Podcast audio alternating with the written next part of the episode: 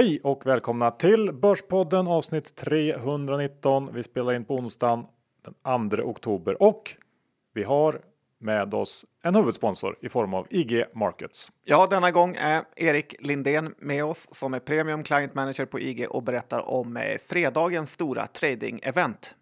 Inom trading så är det som Super Bowl varenda månad och det är non-farm payrolls, amerikanska arbetslöshetssiffran och den är extra intressant den här månaden. Vi har aktienivåerna nära toppnivåerna och nya rekord är möjliga i USA bland annat. Eh, samtidigt ser vi att kortsiktiga investerare, eh, där är våra kunder en bra indikation. De ligger just nu runt 70% korta. Så att det finns möjlighet för både en brytning uppåt men också en ganska stark brytning neråt med vinsttagning och med oro för en svag utveckling framöver. Om vi ser USAs aktier ner på samma sätt som till exempel Tyskland har så kan vi se bra rörelse, eller en snabb rörelse neråt. Och hur ska IGs kunder använda IG för att eh, tjäna pengar här? IG har ju tidigare bara varit en CFD-mäklare, men vi håller på att förändra och bli en mer komplett mäklare så att våra mest aktiva kunder, de handlar CFD, snabbaste, enklaste sättet att trada. Eh, Retailkunder handlar allt oftare nu barriers eh, och det är en bra produkt för att där finns det ett inbyggt skydd. Du har en knockout om marknaden rör sig för mycket mot dig, så du vet alltid vad du tar för risk. För det är viktigt att veta hur mycket man riskerar i sin trading. Sen finns det även optioner som är ett bra alternativ för både retail och professionella traders. Och det är när du inte kan sitta vid datorn och följa marknaden. Så kan du ta en position, eh, betala premien för en call om du tror att marknaden kommer röra sig uppåt eller en put om du tror att den ska neråt. Eller båda om du bara tror att den kommer röra sig väldigt mycket åt något av hållen.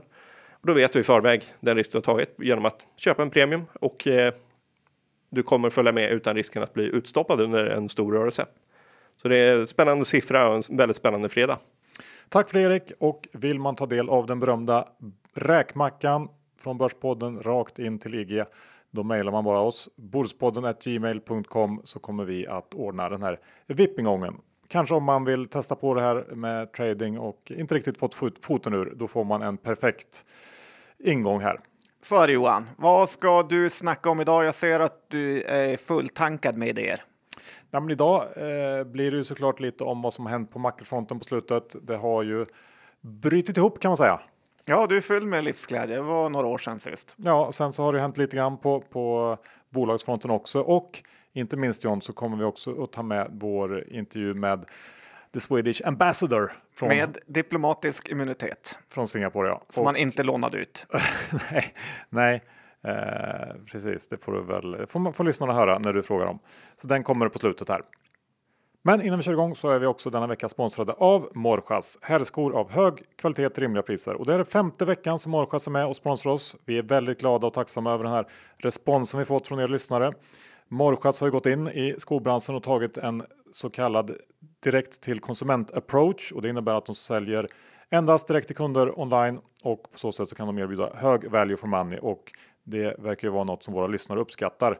Value for money oavsett vad det gäller är ju alltid trevligt. Vi eh, har ju haft våra morgchass sedan i somras och eh, ja, använt dem eh, till exempel när vi behövt kostym. Eh, och John, du har ju helt plötsligt börjat få komplimanger för dina skor. Det är inte, hör inte till vanligheterna. Nej, faktiskt. Det är betydligt roligare än eh, man tror och eh, det är ju fantastiskt sköna skor får jag säga. Ja, och ni vet, det är tre saker ni ska känna till om morgchass. De säljer endast direkt till kund online. Undviker på så sätt mellanhänder och kan erbjuda hög value for money. Två skorna görs för hand i Spanien. Varje par görs i 128 handgjorda steg. Otroligt högt hantverk. Och tre Morjas levererar på en till två dagar inom Sverige med fria returer. Våra vänner på Morjas har skapat en kod som ger 10 rabatt. Besök www.morjas.com. Det stavas M-O-R-J-A-S och skriv in koden Börspodden för att erhålla rabatten. Vi säger stort tack till Morjas.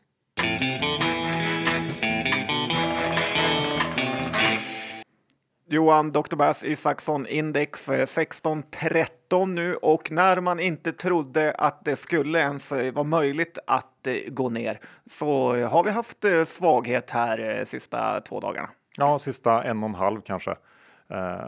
För innan det så, så har ju börsen i princip vägrat att vika ner sig trots att vi i princip fått dagliga signaler från egentligen hela världen att aktiviteten i ekonomin har svalnat betänkligt. Men igår så kom då i alla fall en siffra och det var i form av septembers inköpschefsindex från USA som faktiskt skakade om börsen. Och dessutom så hade vi tidigare under dagen fått motsvarande siffror för, för industrin i Sverige eh, som eh, för svensk del faktiskt var katastrofalt dåliga. Och det här sker då samtidigt som börsen uppenbarligen räknat med att det inte skulle bli värre, eller snarare bättre skulle jag säga. För det finns ju väldigt lite av de här makrosiffrorna eh, som vi har fått nu på slutet som är inprisat på de här nivåerna på börsen. Nu har det kommit ner lite grann sen igår, eh, men det känns ju fortfarande som att det, är, det finns ju väldigt mycket luft att ta av om man vill. Ja, verkligen. Det enda jag har emot eh, alla de här graferna man eh, ser som säger att det här var det lägsta sedan 2009 är ju att tittar man på vart börsen var 2009 så var ju den på botten då. Så i en helt ny värld så kanske vi är på botten nu. Samtidigt så håller jag med dig. Det finns ju otrolig potential till fallhöjd om eh, vinsterna skulle slå oss undan benen på aktiekurserna lite så.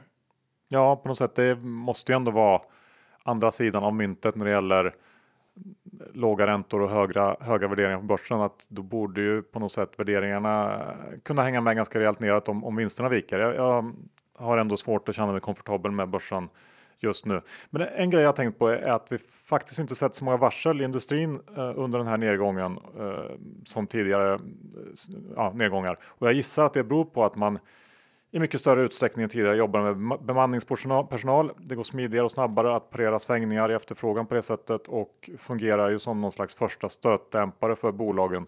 Det gör ju också att bemanningsbolagen borde haft en, en väldigt tuff period nu på slutet. Finns inte så många noterade längre. Profits är uppköpta och, och eh, Uniflex och Poli har gått ihop, men Uniflex eh, delen känns ju inte som att den är jättekrispig just nu är min känsla. Nej, eh, å andra sidan är det väl lite katten på råttan det där att eh, det borde ju ske varsel från eh, den här typen av bolag då om det var så illa så att det, det köper jag inte riktigt. Ja, men där är det lite mer kan man ju smyga ut dem lite mer på något sätt och det är inte alla som är, är liksom anställda på samma sätt och man, man kanske har någon slags korttidskontrakt och lite så deltidsanställningar och jag, jag tror att det inte riktigt märks på samma sätt. Men vi får se helt enkelt när rapporterna kommer in. Um, John, det är eh, VM nu. Ja, det är det. Verkligen. Eh, och eh, jag tycker den här svenska loser-mentaliteten verkligen eh, kommer fram då. Från media till deltagarna. Och det här säger jag ex Stål för att han var ju så groteskt förhandstippad så att han kan vi plocka bort. Men vi får ju den här loser-mentaliteten från födseln. Med ring så spelar vi. 100 procent av de som ringer in och får den här så kallade trippelchansen. Det vill säga att man kan vinna tre skivor istället för en mot att man får en lite, lite svårare fråga blir ju jättebesvikna och eh, ja, rädslan för att förlora slår ju igenom.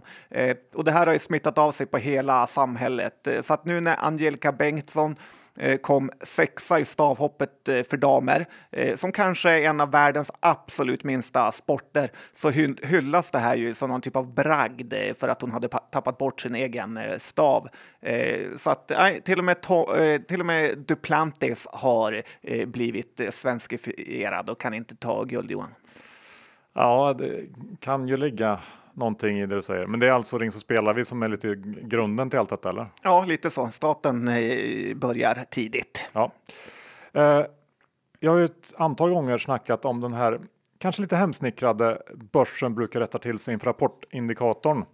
Eh, det vill säga att om en sektor står lite högt eller lågt jämfört med, med någon slags allmän magkänsla några veckor inför rapportsäsong så brukar det justeras fram till rapporterna så att känslan är lite mer oviss när rapporten väl kommer. Du, du vet vad jag pratar om Jan? Ja, jag håller verkligen med.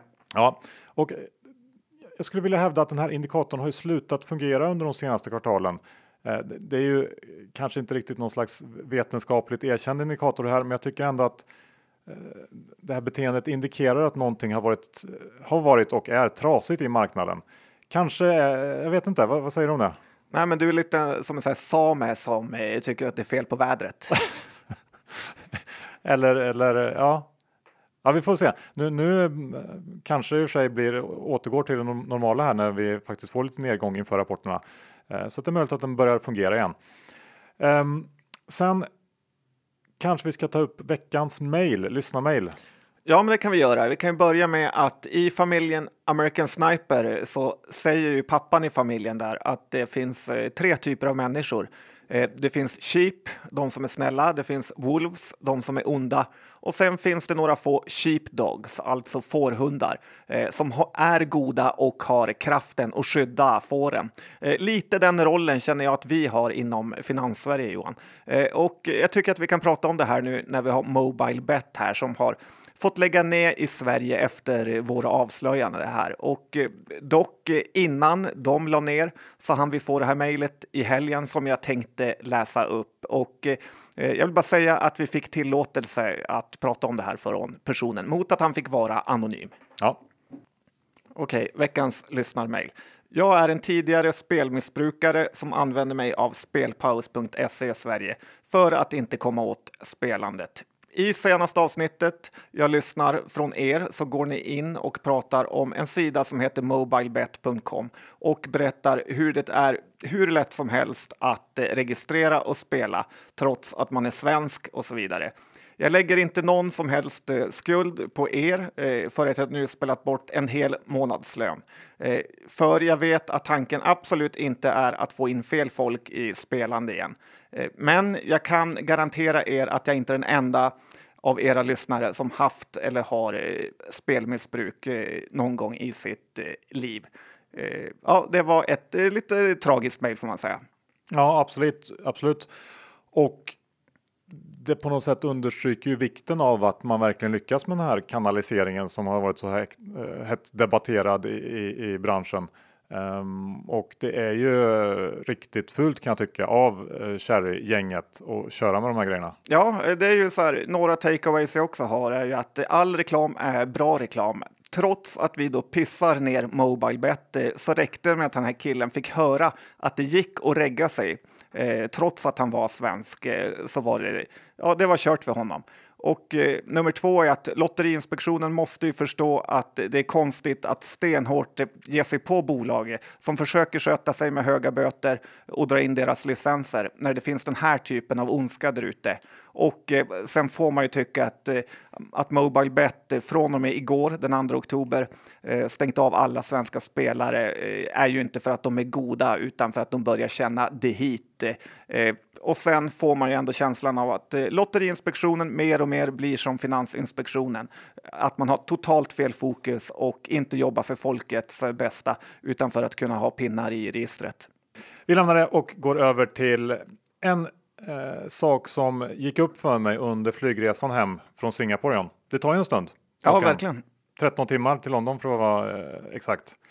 Eh, och det finns inte så mycket annat att göra än att kolla på film, speciellt eftersom eh, min kompis, det vill säga du, vill, eh, du vill ju mest hänga med, med den här Daniel Ricardo F1-snubben hela tiden. Ja, är vi är bästa kompisar nu. Ja, så det var inte så kul för mig. Men på 13 timmar så hinner man ju se några filmer och jag började faktiskt med den här otroligt upphypade Avengers Endgame. Eh, du vet vilken film jag pratar om? Ja, det är patetiskt. Ja. ja, jag är inte heller något fan av superhjältefilmer, men jag tänkte att jag får ändå ge den här en chans. Eh, Disneybolaget Marvel står bakom den här filmen som faktiskt spelat in mest pengar någonsin all time, eh, vilket ju är eh, lite av en bedrift får man säga. Um, John, vet du hur lång den här Avengers Endgame är? Nej, men jag gissar att den passar bra på en flygresa. Ja, den, den är faktiskt lite drygt tre, tre timmar lång och jag kan säga att det här var tre timmar ren dynga. Eh, det för mig helt ofattbart att folk eh, gillar den här filmen och varför har ingen varnat mig för den här? Ingen vuxen person kan ju ha sett den här filmen och eh, den, den, den var faktiskt helt olidlig. Men det är inte riktigt det som jag ville komma fram till. Eh, det som gick upp för mig på något sätt var ju att jag uppenbarligen inte förstår den eh, lite yngre generationen alls. För om man älskar den här filmen då har man ju någon slags diametralt motsatt uppfattning om vad som är bra och inte jämfört med mig. Och det för mig till att jag, jag det, kanske att man kanske har tappat någonting. Man kan ju föra över det här till börsen att man kanske inte längre är så bra på att förstå vad som kommer att bli hett och inte, eller? Ja, eller så var det bara en värdelös film. Ja, det kanske, kanske inte, jag kanske överanalyserar. Och på tal om analys, John, ska vi avsluta första delen med analytiker massage. Ja, men det här måste ju faktiskt få ett eh, slut nu. Eh, Thule var ute och snackade och fick aktien på fall. Eh, Dometic fullständigt kollapsade ju 7-8 procent för några veckor sedan efter en eh, massage och eh, Eh, så här är det ju, i bästa fall är det ju analytikerns eh, kunder som får reda på det här först och kan använda sig av informationen. Eh, men i värsta fall så är det ju analytikerns kompisar som får reda på det här. Och jag tycker faktiskt inte att det är fair att ett bolag delar ut den här typen av info till vissa personer, för det är ju verkligen förhandsinfo. Och det funkar inte så här att det rakt ut som ringer om och säger att det går åt helvete för ett eh, bolag. Utan det är mer av den här typen att ring, ring, hej, det är Berra på Carnegie. Jag känner det är Turlös eh, finanschef. Jag tror att du ligger lite för högt i dina estimat för Q3. Du vet ju att det har varit eh, eh, handelskrig, svag krona och dåligt väder. Sånt påverkar ju. Ja, ja, eh, jag vet, du får bestämma hur du tror, men lite så tänker jag. Hej då. Ja, um, men jag håller med. Eh, det, det fanns ju en till sån här i veckan eh, med THQ. Ja, berätta. Nej, men de, det, det, det kom ju eh, helt plötsligt ganska rejäla prognossänkningar från både Handelsbanken och Nordea inför THQs eh, Q3 då. och estimaten för, för den justerade ebit-nivån har faktiskt kapats med ungefär 20% i bägge fall och det är högst oklart varför. Um, och jag, jag har läst uh, Handelsbankens uppdatering och förstår uh, i alla fall inte baserat på den vad som har föranlett den här nedjusteringen. Det, det är väl helt ja, onekligen så att, att vi har ett tillfall här av, av bolag som har ringt runt till analytiker för att smygjustera ner förväntningarna och ja, vi måste ju markera här. Ja, helt enkelt. Så här får det inte funka 2019.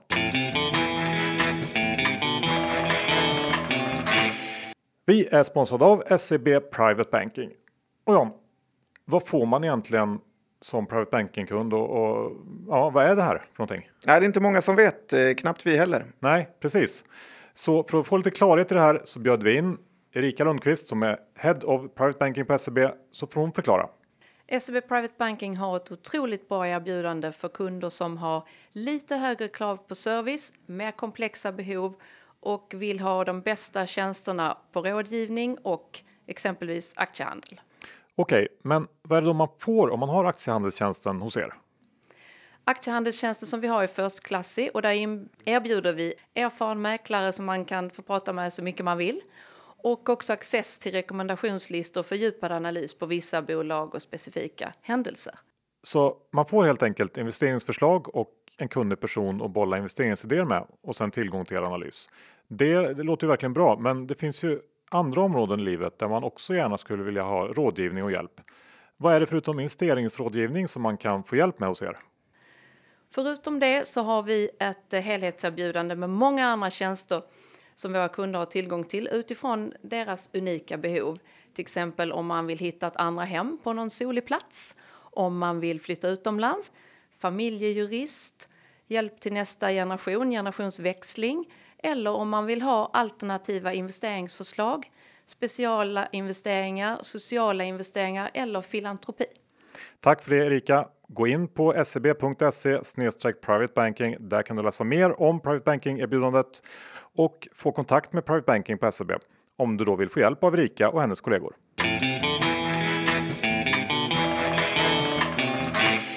Så där John, dags för del två. Och um, du sa att du ville snacka om de här Carnival Cruises. Jag är lite sugen på det för att jag är inne i någon slags uh, sån här um, succession mode. Och de har ju faktiskt en cruise ship um, arm i Waystar.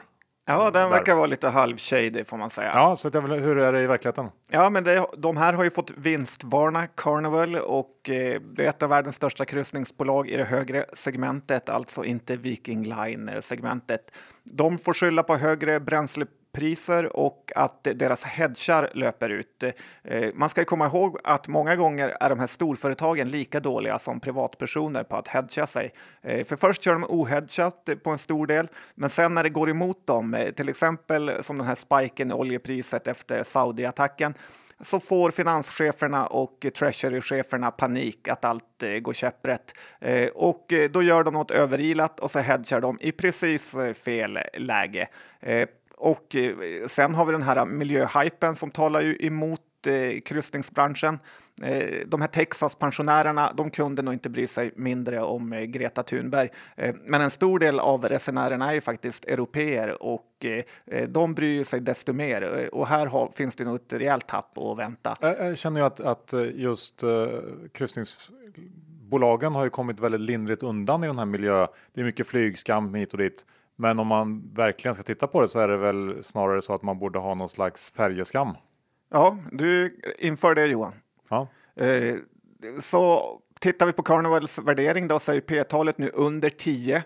Eh, direktavkastning på 4,5 procent och det här är ju väldigt billigt jämfört med hur det har varit. Dock så har de ju eh, nettoskuld och det är verkligen inte ett Buffett-bolag då det är väldigt eh, kapitalintensivt, eh, då båtarna kostar miljarders eh, dollar styck.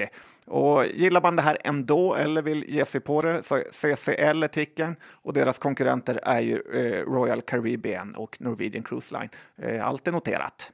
Härligt, härligt. Um, när vi ändå är och snackar amerikanska aktier så jag noterar att, att uh, amerikanska motsvarigheten till Avanza kan man säga, Charles Schwab Eh, var ute igår och sa att de eh, slopar courtaget och det fick ju hela sektorn på fall eh, där borta i USA. Ja, verkligen. Det har varit en rejäl börskollaps får man nästan säga och bara den här nyheten. Eh, Charles Schwab är ju ett 500 miljarders kronor bolag och tappade uppemot ja, över 10 procent. E-trade som är betydligt mindre tappade 18 procent. Så att det, är lite svettigt eh, när konkurrenterna gör så här. Ameritrade som är ett annat väldigt stort nätmäklarbolag i USA, 200 miljarder kronor ungefär, tappade hela 25 procent. Eh, så att aktier är inte alltid lätt kan man lugnt eh, säga. Och tittar man på värderingarna på både E-trade och Eh, Charles Schwab så börjar ju Avanzas värdering framstå som eh, liksom övernaturlig. Eh, E-trade har P under 10, Charles Schwab som är liksom prime-namnet har ju P under 15 här och Avanza ligger då på P30. Eh, och hemmamarknaden så såg jag att Nordnet nu höjer belåningsnivån eh, på bostäder från 50 till 60 procent eh, för att få sina supervillkor och att deras kundtjänst blivit väldigt mycket segare nu. så att det jag tycker det spär på din känsla Johan att man dressar Nordnet till försäljning. Ja, men det är, väl, det är väl mer eller mindre garanterat nu. Nordnet ska säljas. De vill ju bli av med det här nu och de ser väl att det här lilla fönstret börjar stängas när det går att sälja sånt där. Eh, helt rätt tror jag att försöka eh, komma ur det där. Och om man får säga någonting till, till relaterat till Avanza också så kan man väl ändå eh, konstatera att den här typen av strukturella trender, det vill säga ett courtage som går mot noll, finns ju absolut inte inbakat i någon som helst värdering av Avanza på börsen utan ja, det mesta måste ju gå ändå gå rätt om man ska köpa Avanza på de här nivåerna. Ja, eh, Avanza är ett bra bolag, men eh, över hälften av intäkterna har jag för mig kommer från eh, courtagehandel så att det vore ett brutalt eh, tapp eh, för dem. Så är det. Um, Beyond Meat har vi ju uh, tagit upp några gånger i podden. Det här uh, fake köttföretaget. Vad har du att säga om dem John? Ja, men de fick ett stort avtal med McDonalds här så att jag var tvungen att lynchas dera, lyncha deras beryktade hamburgare uh, och köpte två stycken, två pack och grillade. och det är ju otroligt, otroligt dyrt. 65 kronor för ett paket, alltså två hamburgare. Då. Det är 32,50 Eh, för en sån här liten fake hamburgare som man eh, sen måste laga till själv. Eh, bara där tycker jag att allt blir orimligt om man kan få tre cheese på donken för det här priset. Och sen trots den här all hype det har varit kring Beyond Meat och jag hade ändå rätt låga förväntningar så blev jag ändå besviken. Det smakar alldeles för mycket rapsolja och det har jag för mig inte ens är särskilt nyttigt att äta. Så att jag tror att Beyond Meat kan vara en av de absolut största bubblorna på börsen som finns nu med ett börsvärde på 9 miljarder dollar och price sales på 50. Det är, ja, det är orimligt Johan. Ja, det är såklart orimligt och eh, en garanterat usel affär om man nu skulle få för sig att köpa aktien. Men jag tycker ändå att produkten är ganska god. Jag håller inte med dig där. Jag tycker att den är helt klart godkänd. Jag gillade den. Du gillar Absolia? Ja, vi kan säga det. Um, vi ska gå över till, ska jag säga någonting om, om um, för att komma ner lite på jorden, på golvet, verkstad, Sandvik. Ja, men få höra. Ja, men Sandvik är bland de första verkstadsbolagen att rapportera. Det är lite drygt två veckor kvar Och då kan man ju fråga sig vad man, vad man ska förvänta sig av Sandvik som ändå kom med en ganska rejäl besvikelse inom sms eh, i samband med sin Q2. Lönsamheten sjönk rejält trots att man då har varit ute och lovat marknaden att eh, man ska vara betydligt mer motståndskraftig nu än tidigare. Och tittar man på Q3 så, så bör det vara fortsatt tufft inom just sms. De har ju bland annat liksom autoexponering och, och Tyskland och så är svårt att se att det skulle ha vänt. Eh, men eh, gruvaffären eh, bör tuffa på lite bättre och Sandvik har ju faktiskt kört igång ett besparingsprogram ehm, som svar på de här problemen inom sms för att då säkerställa att marginalen bottnar på en högre nivå under, eh, under den här cykeln jämfört med tidigare cykler. Och det är väl det här som är knäckfrågan i Sandvik just nu. Eh, aktien handlas till en ganska stor rabatt, rabatt mot till exempel Atlas Eh, givet då att man levererar det som man, man säger att man ska kunna leverera. Men marknaden är, är uppenbarligen tveksam till att man fixar det. Um, och det är ju lite av, av Rosengrens legacy som står på spel här också. Um, jag förstår att marknaden är tveksam, uh, är också det faktiskt själv och hur som helst så blir det en intressant rapport att kika på det här. Ja, man tror ju aldrig att Björn Rosengren kommer låta det här falla. Han är ju någon typ av corporate raider som lämnar Wärtsilä i spillror. Nu ska han hålla uppe Sandvik ett tag, få till att gå vidare till ett nytt toppjobb till sig själv. Ja, eh, vi går över till en helt annan sektor. Eh, det handlar om tåkrämer och liknande.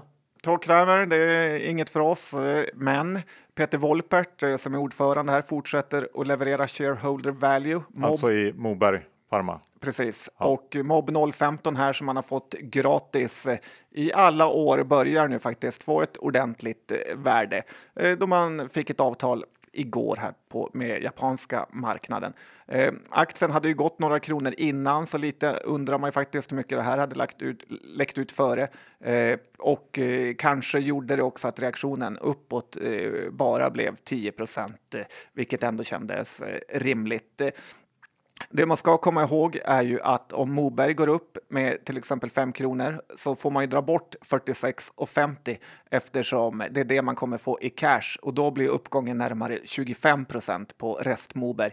Eh, så då, det blir ju helt andra siffror. Det måste man komma ihåg. Eh, resultatet på den här Mob 015 kommer i december och då spelar det ingen roll hur många bra partnersavtal eh, man har om det inte blir lyckat. Så det kommer bli extremt eh, spännande att se hur eh, Mob 015 lyckas i studien. Ja, det kan man ju tycka. Jag är själv otroligt ointresserad av den här typen av bolag så det lämnar jag åt dig och intresserar dig för. Finns eh, något åt alla på börsen? ja, det finns det faktiskt. Eh, vill man ha riktigt krångligt och jobbigt så kan man ju gå in i, i retail. Ska vi ta en kort R&B gjorde en brutal vinstvarning och annonserade samtidigt en nyemission här i veckan. Precis allt har gått fel för R&B och kan man säga att det här är, är ju en liten plump i eh, Capitals annars eh, fläckfria eh, CV. Ja, lite så. Ja, ganska stor plump. Man ska aldrig jobba med Coop dock. Nej. Eh, sen, sen, kan man ju fråga sig om den här, den här planerade nyemissionen på 85 miljoner räcker för att få ordning på det här. Tveksamt kanske. Eh, och imorgon rapporterar H&M Får jag bara säga en sak om R&B? Ja. är ju att på många presentationer har ju deras vd stått och pratat om. Det första saken han tänker på på morgonen eh, är ah, hur R&B ska tjäna 100 miljoner på ebit-nivå. Och eh, det sista han tänker på när han går och lägger sig är det. Och nu kommer de in och förlorar 35 miljoner. Så att jag vet inte, om han tänkte lite mindre och jobba lite hårdare. Eh, dessutom så sitter ju han tillsammans med Ken, Kenny Bräck Mekonomens styrelse. Så det är ju inte Dream Team eh, Mekonomen har samlat ihop. Ja, men ska vi ta lite Mekonomsnack då? Ja, men det kan vi göra. Eh, här har jag ju ändå lite positiva nyheter. Tycker att eh, svensk media helt missat det här, men det är ju en aktivistfond eh, som har köpt in 5,2 procent i LKQ, alltså bolaget som äger Mekonomen. Eh, och det brukar ju sätta fart på företagsledningar i USA. Eh, LKQ har ju redan börjat göra saker och eh, igår såg jag att de sålde iväg ett gäng eh, delar av eh, bolaget i Bulgarien. Och jag tror inte alls att det är omöjligt eh, att den här senaste uppgången vi har sett är någon typ av position inför ett eh, bud. Eh, kronan är rekordsvag. Aktien har gått ganska dåligt på lite längre sikt och LKQ slipper då att se förnedringen eh, över hur dåligt det har gått sedan de köpte den här första delen av Mekonomen. Eh, så jag tycker man ska hålla koll på ett möjligt bud på Meko. Eh, det kan ju såklart gå åt andra hållet, alla Haldex-vägen, att de säljer sin del eh, och då är det absolut inte lika roligt att eh, vara aktieägare. Men det är inte mitt eh, stalltips. Jag tänkte precis säga det att det känns ju mycket mer sannolikt, sannolikt att de vräker ut den här skiten än att de ska köpa upp allt. Ja, jag skulle inte säga så. Jag tror tvärtom. Ja. Det är mycket tro här. Ja, och det är väl Ja. det man gör på börsen och i kyrkan. Nej, men jag, ja, mm, vi får se. Nu känner jag inte till den här fonden, men, men ja, mitt, mitt stalltips är ju att de vräker ut här och att det blir en riktig härva igen. Ehm, vi går vidare till... du skrattar John. Ja, jag gillar dina stalltips. Ja. Eh, vi går över till annat. Eh, världens mest sålda tv-spel. Ja, vet du vad det är? Ja, du sa det precis innan inspelningen här. Fifa eh, 2019 eller vad det är, 2020 eller Okej, ja, men då- 2019 var förra året. 2020 då. Precis, de är som bilmodeller, man fuskar med ett år hela tiden. Och eh, de har ju nyligen släppt det eh, och de har gjort det här spelet i tre versioner som kostar olika mycket, men i grunden är det ju samma eh, spel. Och jag tycker en kul grej som Electronic Arts gör som tillverkare av det här är att de skickar ut eh, spelet till de topp 100 riktiga fotbollsspelarna som är med och eh, med en liten plakett där, där det står grattis, du är eh, typ 72 rankad i Fifa 20. Eh, det gör ju att spelarna tycker det är kul och lägger upp det här på sina Instagram-konton och så får Fifa 20 eh, otroligt eh, mycket uppmärksamhet och ja, spelarna tjafsar lite om att de skulle ha varit högre i rankingen eller snabbare. Eh, och, Ja, men det, är- det, jag har noterat det där på Instagram. Det är en otroligt smart eh, marknadsföringsgrej då, måste man säga. Ja, och långsiktigt så gillar man ju EA Sports eh, och det är förmodligen ett av de säkraste betten man kan göra inom ja, vad ska jag säga, dataspelsbolagen. Eh, då typ alla de här bol eller de har ju väldigt många återkommande intäkter eller titlar här, eh, så gör de inte alls lika beroende av nya hits. Eh, själv har man ju spelat eh, deras spel från och till nästan för alltid. Och eh, om jag får säga det själv Johan, och jag tror många andra också skulle säga det, så var jag otroligt bra i NHL 94-95 och eh, kanske har spelat 500 matcher med Vancouver Canucks eh, mot eh, New York Rangers, den här legendariska sju matchers eh. Och eh, ja, jag kan faktiskt typ hela uppställningen fortfarande. Ja, grattis. Trevor Linden, Pavel Bure säger det dig Tack, något? tack. Ja. Eh, kul att, att du var duktig på det. Ska vi avsluta med, med Hövding ändå?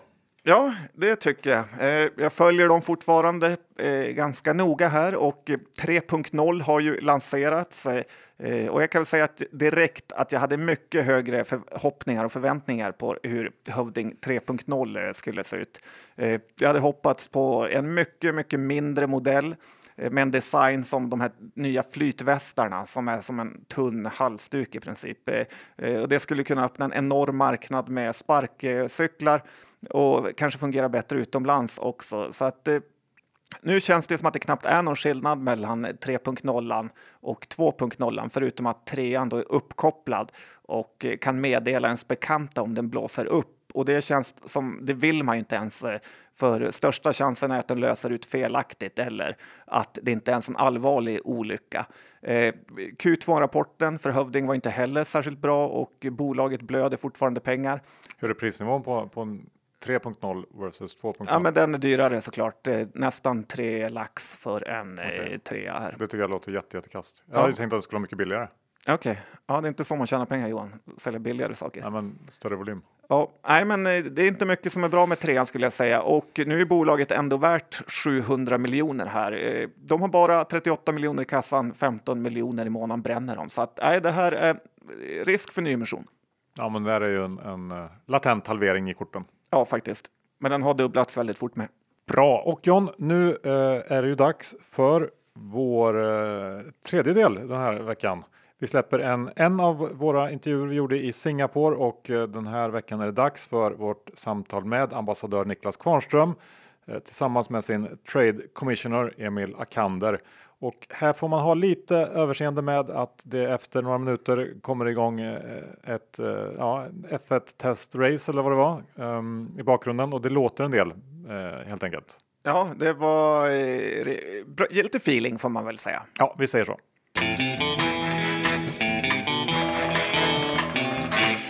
Vi är denna vecka sponsrade av Lendify. Ja, vi fick ett lyssnarmail här i veckan Johan som eh, en person frågade om det finns några som helst nackdelar med Lendify. Han hade granskat och kunde inte hitta någon. Eh, det är ju väldigt positivt tänkt och vi gillar ju Lendify mycket. Jag var inne igår, köpte några lån på andrahandsmarknaden och såg att över 2000 affärer har gjorts senaste 30 dagarna och att man har fått eh, 100,6 procent i snitt av eh, vad lånet är värt. Så att eh, det, de har allt. Gillar man det inte så kan man sälja och då i snitt har man fått högre betalt än vad man har satt in. Och ja. man ska ha kassaflöden från flera olika ställen och Lendify är ett utmärkt eh, sådant ställe. Så är det. Tycker man att det här låter intressant, då går man in på lendify.se Borspodden, läser på och är man då fortfarande intresserad så eh, kan man stoppa in minst 20 000 kronor och få 500 kronor extra utbetalt till sitt konto som en fin start på sitt Lendify eh, sparande. Men då får man gå in då via lendify.se Bordspodden.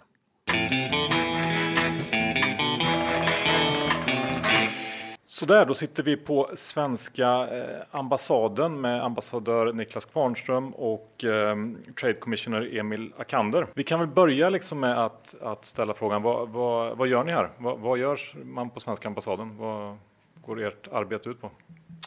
Ja, vi är en liten utlandsmyndighet. Eh, det viktigaste uppdraget vi har är naturligtvis det eh, för våra medborgare. Så det som vi kallar författningsreglerad verksamhet eh, är på sätt och vis alltid mest prioriterat naturligtvis. Men utöver det så i den verksamheten som vi själva kan styra så har vi tre huvudprioriteringar för det här året. Det ena är innovationscentriskt främjande kallar vi det. Det är både främjande av Sverige som land och främjande av svenska företag. Och de andra är att vi ska vara en utblickspost för vad som händer bredare i regionen i och med att det är så många tankesmedjor som är baserade i Singapore, så många experter här. Så vi försöker bidra till rapporteringen och kunskapen hemma om Asien. Och den tredje är att vi har ett särskilt fokus på eh, ett hållbart och eh, jämlikt samhälle kallar vi det, det vill säga hållbarhetsfrågor och eh, eh genderfrågor till exempel. Niklas, du som ambassadör, jag är tvungen att fråga direkt, har du eh, diplomatic immunity? Så är det. Alla utsända eh, svenska diplomater har eh, enligt Wienkonventionen diplomatisk immunitet. Hur ofta använder du den? Ja, det är ju absoluta mardrömmen att någonsin behöva påkalla den och det har lyckligtvis hittills inte hänt och jag hoppas att jag aldrig behöver göra det heller. Inget jag och Johan kan låna här under vår vistelse? Nej, precis. Det skulle ni gilla, eller hur? och, och, Emil som Trade eh, Commissioner, vad, vad gör du? Ja, som Trade Commissioner, eller handelssekreterare som heter på svenska då, så har man egentligen två hattar. Då. Dels är jag Niklas, ambassadörens handelssekreterare här vid ambassaden, men sen är jag ju faktiskt också kontorschef och ansvarig för Business Sweden. Och Business Sweden då, det är Sveriges export och investeringsråd, så vi hjälper svenska företag att växa utomlands och göra affärer, business utomlands, öka sin internationella försäljning. Men vi jobbar också i andra vevan då, så att säga, hjälpa utländska företag att investera och växa i Sverige. Men berätta lite, hur eh, ser de på Sverige här och har, eh, gör vi mycket affärer i eh, Asien? Nej, jag tycker att det finns en väldigt positiv grundinställning till Sverige i Singapore. Man ser Sverige som ett eh, föregångsland på många sätt, inte minst genom att vi är ett innovationsland. Det är det Singapore också vill vara och jag tror förra året så var vi rankade tvåa och trea respektive i världen på World Economic Forums, tror jag det var, eh, innovationsindex. Det är också intressant att notera att de har ett intresse för... Eh, det är ju så att i Singapore är det en väldigt komplicerad demografisk situation och det gör att de plötsligt är intresserade av svenska lösningar även vad gäller till exempel föräldraledighet och eh, ehm, eh, sociala lösningar helt enkelt. Vad, vad, Singapore är ju när man läser lite om det och, och, lyssnar på, jag vet till exempel att eh, Charlie Munger har ju, alltså Warren Buffetts parhäst har ju Singapore som någon slags eh, favoritland. Ehm, men när man läser om det så verkar det som att allting fungerar väldigt bra. Det, det, är, liksom, det är rent, ingen brottslighet, bra skola, sjukvård och så vidare. Vad, vad, ehm, vad kan Sverige lära av Singapore? Jag tror att eh, vi, det utbyte som vi har mellan länderna är väldigt inriktat på eh, forskning, innovation och eh, Singapore har två stycken universitet som nu rankas bland de topp 20 i världen och det dit har de kommit på väldigt kort tid från eh, ganska Ehm, ja, eh, de är inte särskilt gamla helt enkelt. Så jag tror där har vi mycket att lära av varandra och oftast är det så tycker jag att i synnerhet på områden som rör digitalisering, innovation, eh, forskning så lär sig båda när det kommer en svensk delegation hit eller en singaporiansk delegation till Sverige så finns det mycket, båda parterna kommer oftast ut i det och säger att vi har lärt någonting av varandra. Men hur är det med det politiska styret här? Det är någon typ av eh, diktatur, eller? Eh, Singapore är ett auktoritärt eh, system eh, och jag tror att eh, det rankas som eh, par partly free av Freedom House och eh, som en flawed democracy i eh, Economists eh, index för demokratier. Så det är inte demokrati av det snittet eh, vi har i Sverige. Dock har de val. Skillnaden är att oppositionens förutsättningar att göra sig hörda är ytterst begränsade. Men det verkar, verkar funka bra ändå kan man säga. Vi har ju starka invändningar mot eh, så, till exempel dödsstraffet eh, som tillämpas. Vi, vi förstod att 13 personer avrättades här i fjol. Eh, så vi håller inte med om den bilden vad gäller mänskliga rättigheter. Däremot finns det ju mycket annat som fungerar väldigt bra i Singapore och inte minst eh, vad gäller då de här frågorna eh, som vi samarbetar kring som kan vara eh, våra 250 svenska företag som är på plats här. Eh, ganska avancerade partnerskap på forskning, forskning och utvecklingsområdet. Men hur ser en eh, day-to-day -day business ut för dig? Vad gör du på dagarna? vilka träffar du? hur verkar du för Sverige? Ett, eh, ja, den här eh, veckan som har varit nu till exempel så har vi haft en eh, EU, ett EU-möte med EU-ambassadörerna här i stan och sen en lunch med Singapores utrikesminister tillsammans. Vi har haft en middag för en stor svensk grupp av svenska affärsmän men också med inbjudna singaporianska experter. Vi har haft en frukost som handlade om eh, frågor relaterat till framtidens hamnar och eh, teknologi relaterat till det. Jag vet inte om nu hör for, Formel 1-tävlingen här i bakgrunden. Men... Ja, nu är de ute och kör lite grann. En sak att tillägga till den första frågan är ju det att för jag tror att jag svarade på frågan om de tycker Sverige är intressant, men bara också för att säga att naturligtvis är det ju så att vi har ett väldigt avancerat handelsutbyte. Och intressant nog så är Singapore till exempel den svenska eh, varuhandelsexporten till Singapore. Den är, den är, större än Indonesien och Malaysia tillsammans, större än Thailands. Och, med, och det här är ju basen för en, sto, en stor andel av de svenska företagen har Asienhögkvarter eller regionhögkvarter av något slag här i Singapore. Eh, så det, det, på det sättet så har ju företagen bedömt att det är en väldigt eh, tacksam miljö att etablera sig i eh, och en tacksam stad att både nå regionen och verka i. Och som jag sa då så har vi 250 svenska företag eh, på plats här. Mm. Kan vi inte gå in lite, lite mer liksom detaljer kring hur, hur, hur, det funkar i Singapore? Vi, vi åkte till exempel taxi här, eller vi har gjort det ett par gånger och då berättade taxichauffören att eh, det är väldigt dyrt att äga sin egen bil här till exempel. Att de, det känns som att de styr ju eh, samhället på, på väldigt många olika sätt. Eh, och det här bilexemplet var väl ett att man vill väl helt enkelt inte att folk ska ha så mycket bilar, eh, antar jag. Nej, men precis. Jag, jag, jag, tror att man, för att förstå Singapore som, som land och samhälle så mycket av det kommer tillbaks till rent fysiska, geografiska och historiska frågor. Singapore är en ö med, där det bor lika många människor som i Norge ungefär, jag tror 5,6 miljoner människor. Vi brukar säga att ön är eh, hälften så stor som Öland och har ju begränsade resurser, eh, i stort sett inga naturresurser. Och, och, och, vad gäller bilar så är det ju så att det här är ett av världens rikaste länder så det finns en hög potential för folk att ha bilar. Men av alla möjliga skäl, både trafikmässiga skäl och miljömässiga, så vill man ju naturligtvis begränsa eh, antalet bilar. Så då har regeringen eh, satt ett antal skatter och en, en, en politik som går ut på att försöka göra det svårt helt enkelt för folk att ha bil. Och eh, det här landet känns ju totalt eh, tvärtom från eh, Sverige. Att eh, mycket är dyrt eh, men andra saker är extremt billigt. Tjänster är ju väldigt billigt eh, medan produkter, typ en drink, är ju, kan ju vara otroligt dyr. Ja, jag tror jag såg någonstans att Singapore, det var något index där man utnämnde Singapore till världens dyraste stad. Eh, och det kan man ju känna när man bor i stan och köper saker. Eh, men det är klart att, eh, att det varierar. En intressant sak är att det finns en aktiv policy för att försöka se till att i de stora eh, bostadskomplexen där ungefär 80 procent av Singapores befolkning bor, att det där finns, det går att få ett, en, ett schysst mål mat för 5 dollar ungefär, eller mindre, singaporianska dollar. Eh, så i den här otroligt dyra stan så finns det fortfarande det. Ja, för jag tyckte lite synd om taxichauffören att det kostar 25 dollar att åka från flyget hit och så kostar en GT på hotellet liksom 50 dollar. Ja, det, det, det, Det var i och för sig en dubbel. det, det är sant. Och eh, företagen då, vad gör de oftast för misstag när de eh, kommer hit?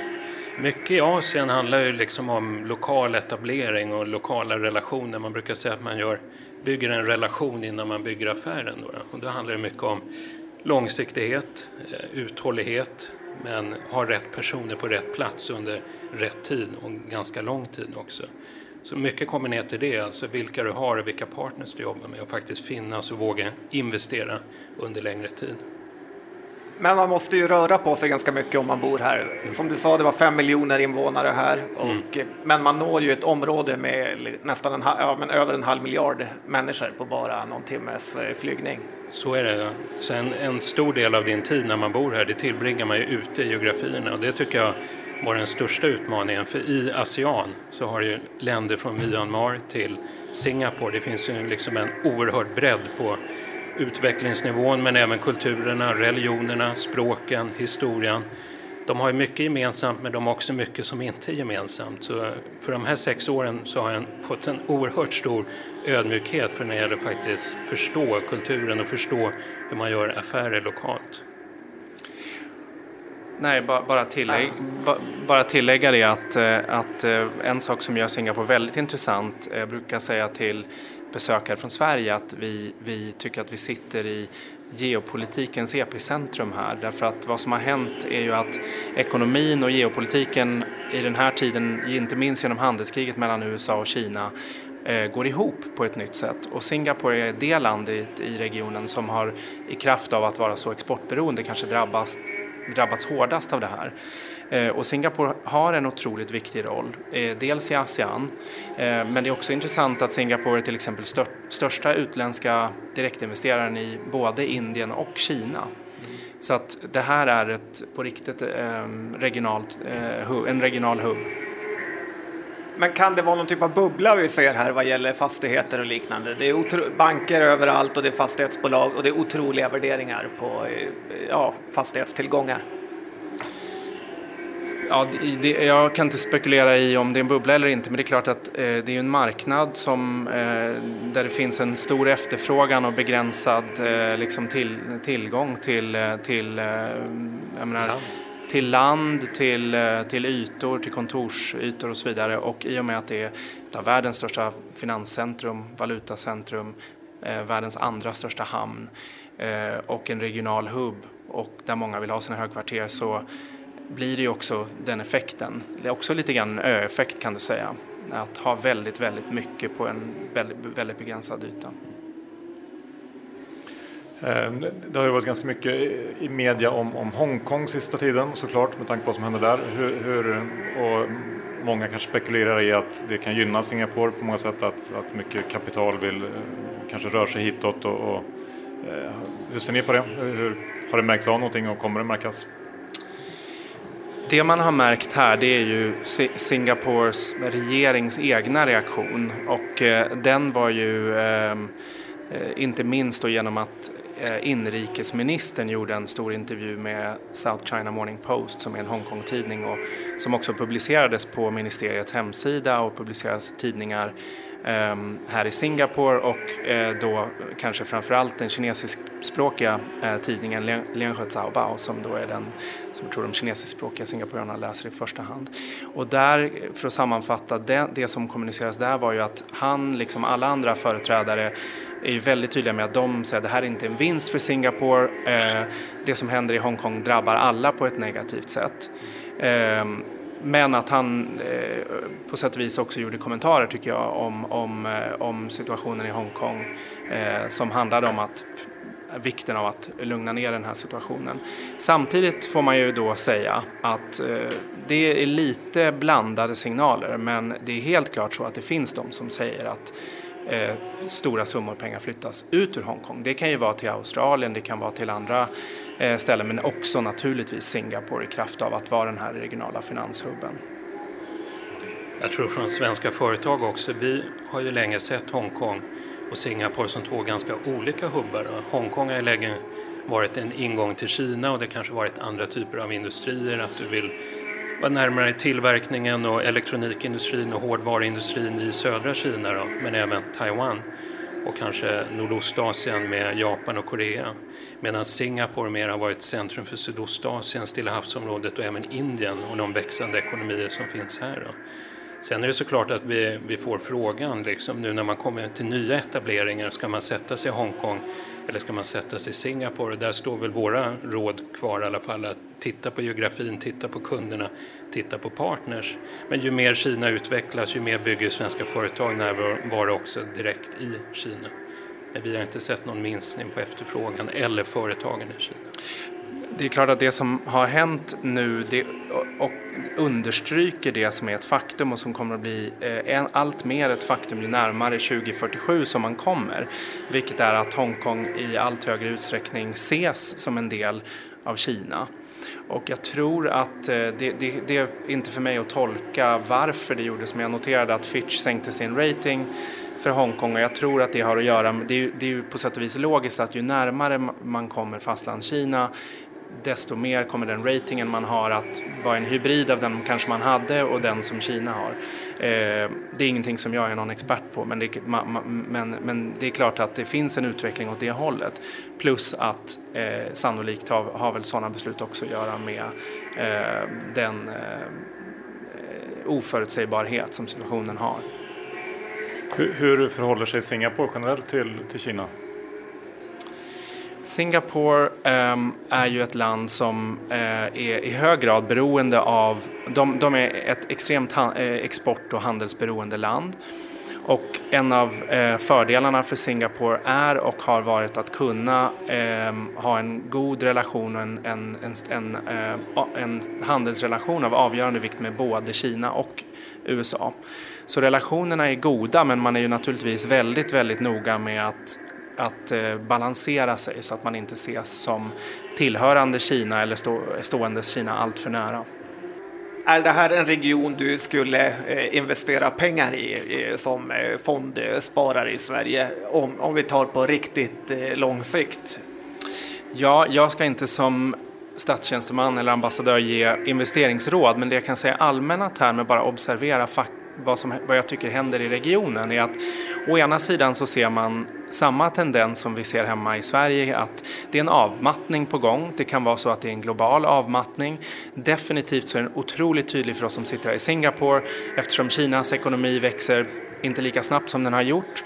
Eh, man tror att, eh, jag såg att det kom ut en ny studie som visar att eh, ASEAN kommer inte heller, de kommer att fortsätta växa, man tror kanske 4,5 procent, vilket är inte, inte illa alls, ehm, men inte 5,1 eller vad det nu var eh, 2018.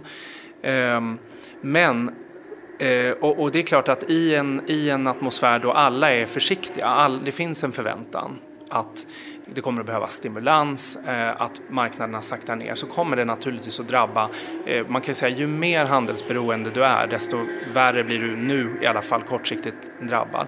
Men det jag skulle säga om den här regionen, som jag tror är viktigt att veta, är att det finns ju makrofaktorer som gör att den är väldigt intressant på lång sikt. Den ena är att du har en Eh, en, till, en tillväxt som inte kommer att ha eh, liksom, den karaktär som Kinas tillväxt kanske har haft, men som rätt stabilt förväntas växa ganska... Det, det, är en stor del av världsekonomins tillväxt som kommer att komma från den här regionen och ASEAN har uppemot 650 miljoner invånare. Eh, sen så är det det här att eh, det är en starkt växande medelklass som kommer att konsumera. Det finns ett stort behov av infrastruktur. Eh, det har visat sig i tidigare kriser att man kan vara ganska motståndskraftig i den här regionen. Och sen en, en väldigt viktig del är just den här ökande intraasiatiska handeln och utbytet. Inte minst inom ASEAN men även med stora partner i regionen. Så alla de faktorerna tycker jag pekar på att trots att det är känns som det är lite motvind. Jag tror alla är, är jag tror att, eh, jag såg att eh, chefen för GIC, den ena av de stora Sovereign Wealth Funds här i Singapore, eh, pratade just om vikten av att vara defensiva i, i hur, hur, hur, man investerar här. Och det tror jag präglar liksom klimatet just nu. Men jag tror långsiktigt och även demografiskt om man tittar på ASEAN. Det är ju inte, Singapore har den motsatta situationen. De har en åldrande befolkning och de föder väldigt få barn. Men i Indonesien med om det är 270 miljoner invånare eller någonting sånt där. Där är det en väldigt ung befolkning till exempel och det gäller för många länderna i ASEAN. Så lite köpa på dippen här i kommande handelskonflikten.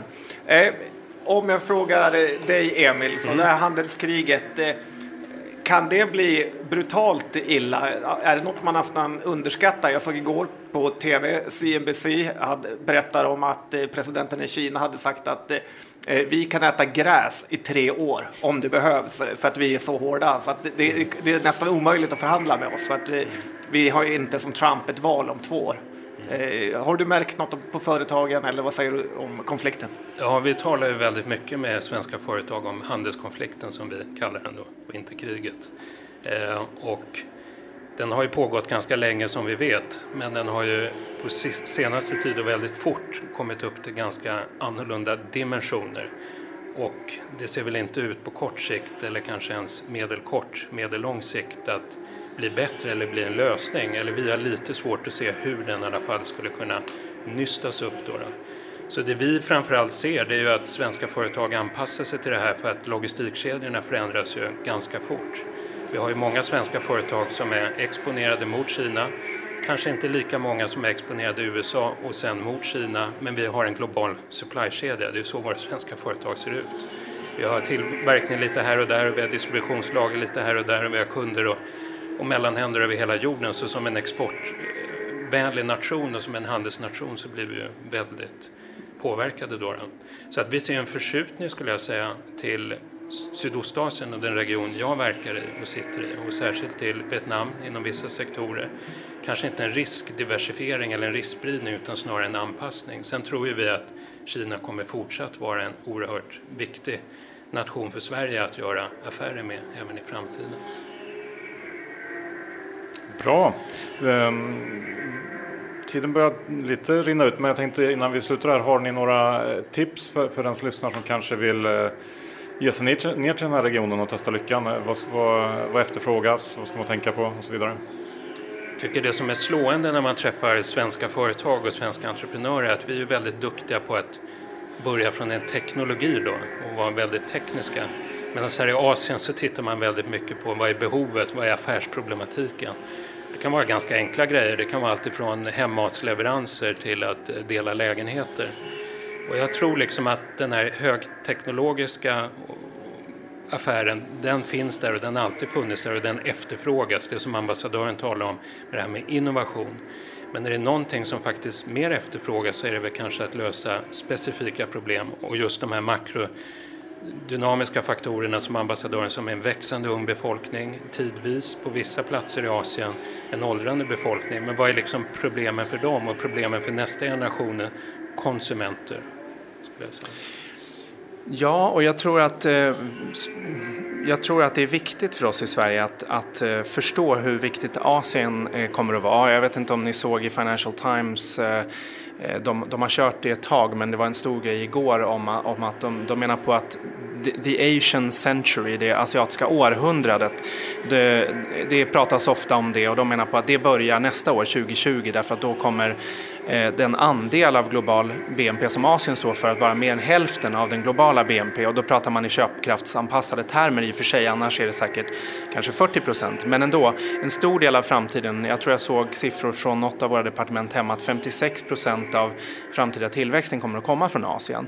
Och det är oavsett om du tittar på befolkning eller BNP eller, det finns, eller konsumerande eh, individer så är det helt tydligt så att det större Asien som man har tillträde till skulle jag säga från Singapore inklusive Indien och Kina eh, kommer att vara en väldigt stor del av vår framtid. Och jag tror den diskussion som vi har i Sverige nu till exempel om Kina visar just det att det är inte långt borta. Och jag tror vi vi ligger okej okay till i vår export till regionen men det är absolut inte så. Det finns de som ligger före som är kanske jämförbara. Så jag tror det är eh, viktigt att de som eh, att, att, det är viktigt att vi förstår vikten av Asien och tror man att det kan vara en källa till eh, tillväxt eller en konkurrensfördel så ska man absolut titta på att komma ut. På just det ämnet om, om eh, vikten av den här regionen för svenska företag så kommer vi då att stå värd i februari här i Singapore tillsammans med mina kollegor från de andra sydostasiatiska länderna för ett regionalt eh, business summit. Eh, det kommer att vara förhoppningsvis deltagande på ministernivå från Sverige och eh, höga företrädare för svenskt näringsliv och vi ser redan nu, vi börjar den här planeringen, att det finns en stark uppslutning från svenskt näringsliv både i form av sponsorer och vilja att, att delta. Och avsikten är att för de som tittar på regionen Eh, och överväger att komma ut eller är intresserade av vad som händer i regionen så kommer vi att erbjuda en, ett intressant forum med tänkare för att påvisa dynamiken, både, både möjligheter och risker eh, och dessutom en chans för svenska företag att visa upp sig här för en, för en mycket kvalificerad eh, publik. En annan sak som bara skulle nämna lite relaterat är också att den här regionen är också väldigt, väldigt intressant fönster eh, till det som händer på området. Man säger att data är den nya, nya oljan och eh, oavsett om det gäller fintech som Emil pratade om som vi jobbar väldigt mycket med eller datacenter eller blockchain-teknologi, eller eh, AI och så vidare så är det här ett utmärkt ställe att eh, bevaka det som händer inte minst i Kina men även i andra delar av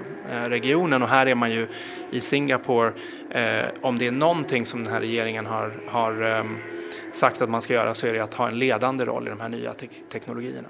Kanon! Eh, då får vi säga tack så hemskt mycket för att vi fick komma hit och prata lite mer.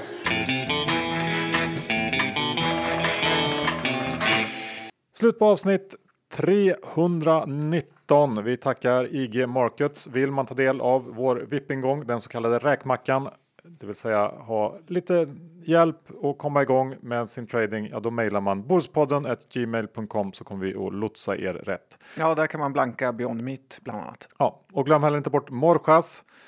Fantastiska skor, eh, handsydda. Gå in på morjas.com, M-O-R-J-A-S Använd koden Börspodden för att få 10 rabatt. Uh, utnyttja det här läget för det här är fantastiska skor. Ja, de har ett fint Instagramkonto med också, så där kan man titta på hur skorna ser ut om man vill. Och kul med SEB Private Banking. Har du uh, intresse av det här? Ja, uh, gå då in på seb.se Private Banking och läs mer om hur du kan bli kund.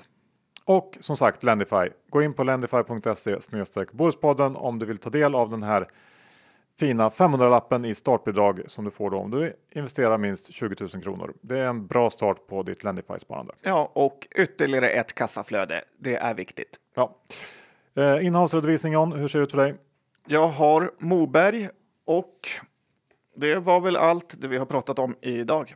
Ja, och jag eh, har nog ingenting så det var väl bra. Då tackar vi för oss och eh, hörs om en vecka igen. Det gör vi. Hej då!